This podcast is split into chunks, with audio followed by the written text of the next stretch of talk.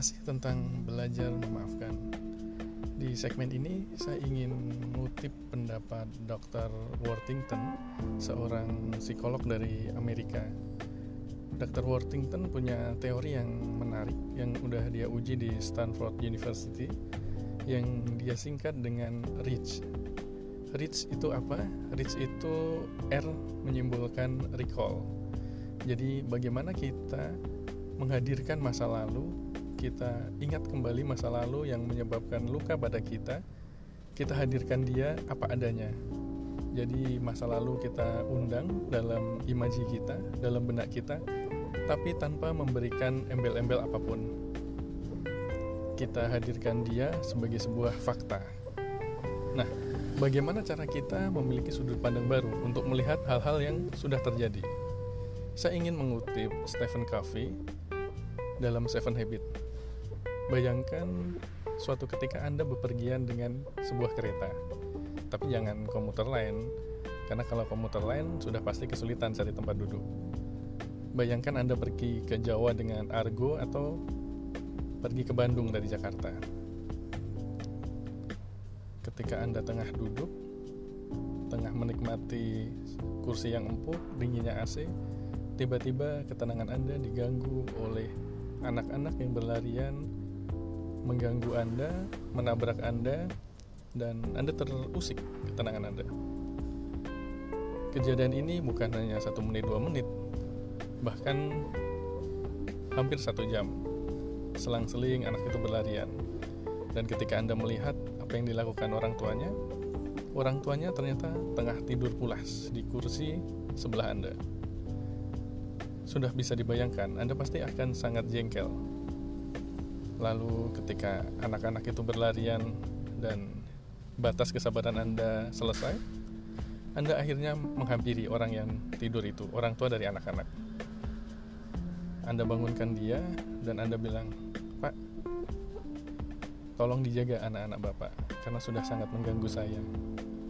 Lalu Bapak itu bangun, dia tersenyum pada Anda dan dia berkata begini mohon maaf saya mohon dimaafkan anak-anak saya.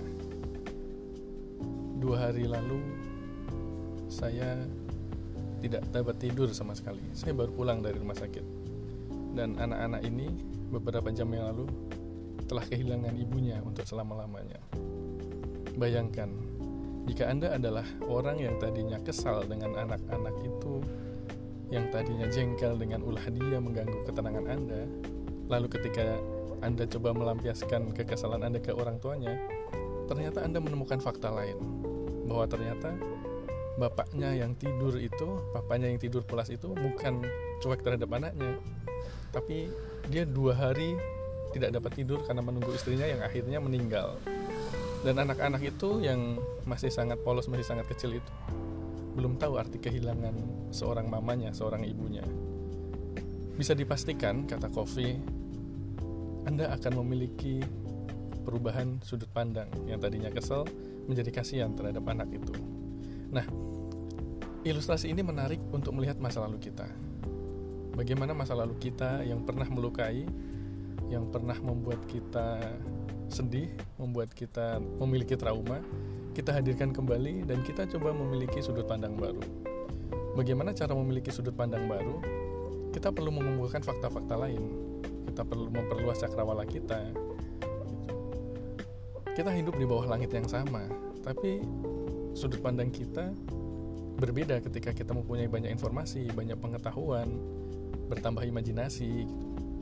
Ibaratnya kita ingin memotret sebuah gunung, kita nggak mungkin bisa menggeser gunung itu memindahkannya nggak mungkin tapi kita bisa memilih angel yang berbeda yang bagus seperti ketika kita selfie kita pasti punya sudut pandang uh, andalan kita yang mana dengan sudut pandang itu kita kelihatan lebih kurus kelihatan lebih cute gitu itu juga dengan masa lalu kita coba cari sudut pandang baru sudut pandang lain sehingga luka yang dulu sempat membuat trauma menyedihkan kita recall kata Worthington, kita undang kembali dan kita lihat dengan cara yang berbeda.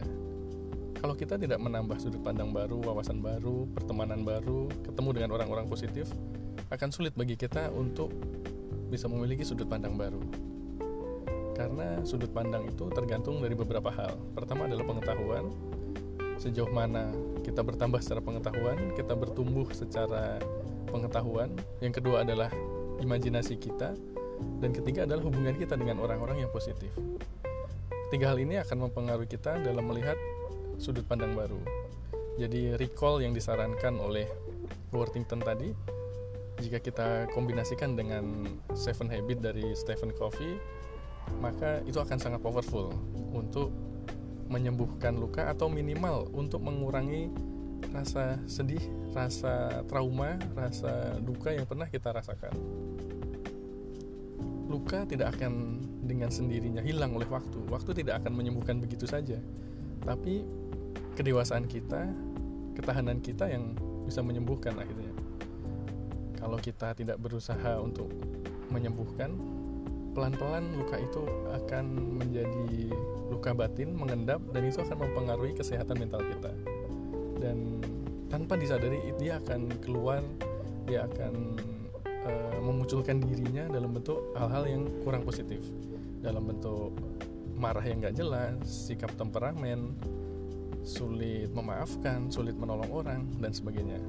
Dan itu tentu hal-hal yang sangat tidak kita inginkan ada pada kita karena ketika kita sudah memiliki buah hati hal-hal itu sangat mudah keluar sehingga luka batin bagi seseorang apabila dia sudah berubah status menjadi ayah menjadi bunda itu harus diwaspadai karena luka batin luka di masa lalu akan berpotensi besar untuk menurun di anaknya bukan hanya secara DNA tapi secara perlakuan untuk segmen kali ini saya cukupkan sampai di sini. Jadi poin pertama untuk melihat luka di masa lalu adalah dengan recall, dengan mengundangnya dan dengan melihatnya dengan sudut pandang baru.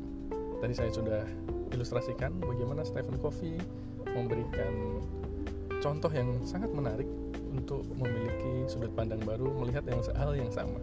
Luka tetap luka, dia tetap ada di masa lalu tapi pilihan kita untuk melihatnya dengan kacamata baru. Sekian dari saya, terima kasih.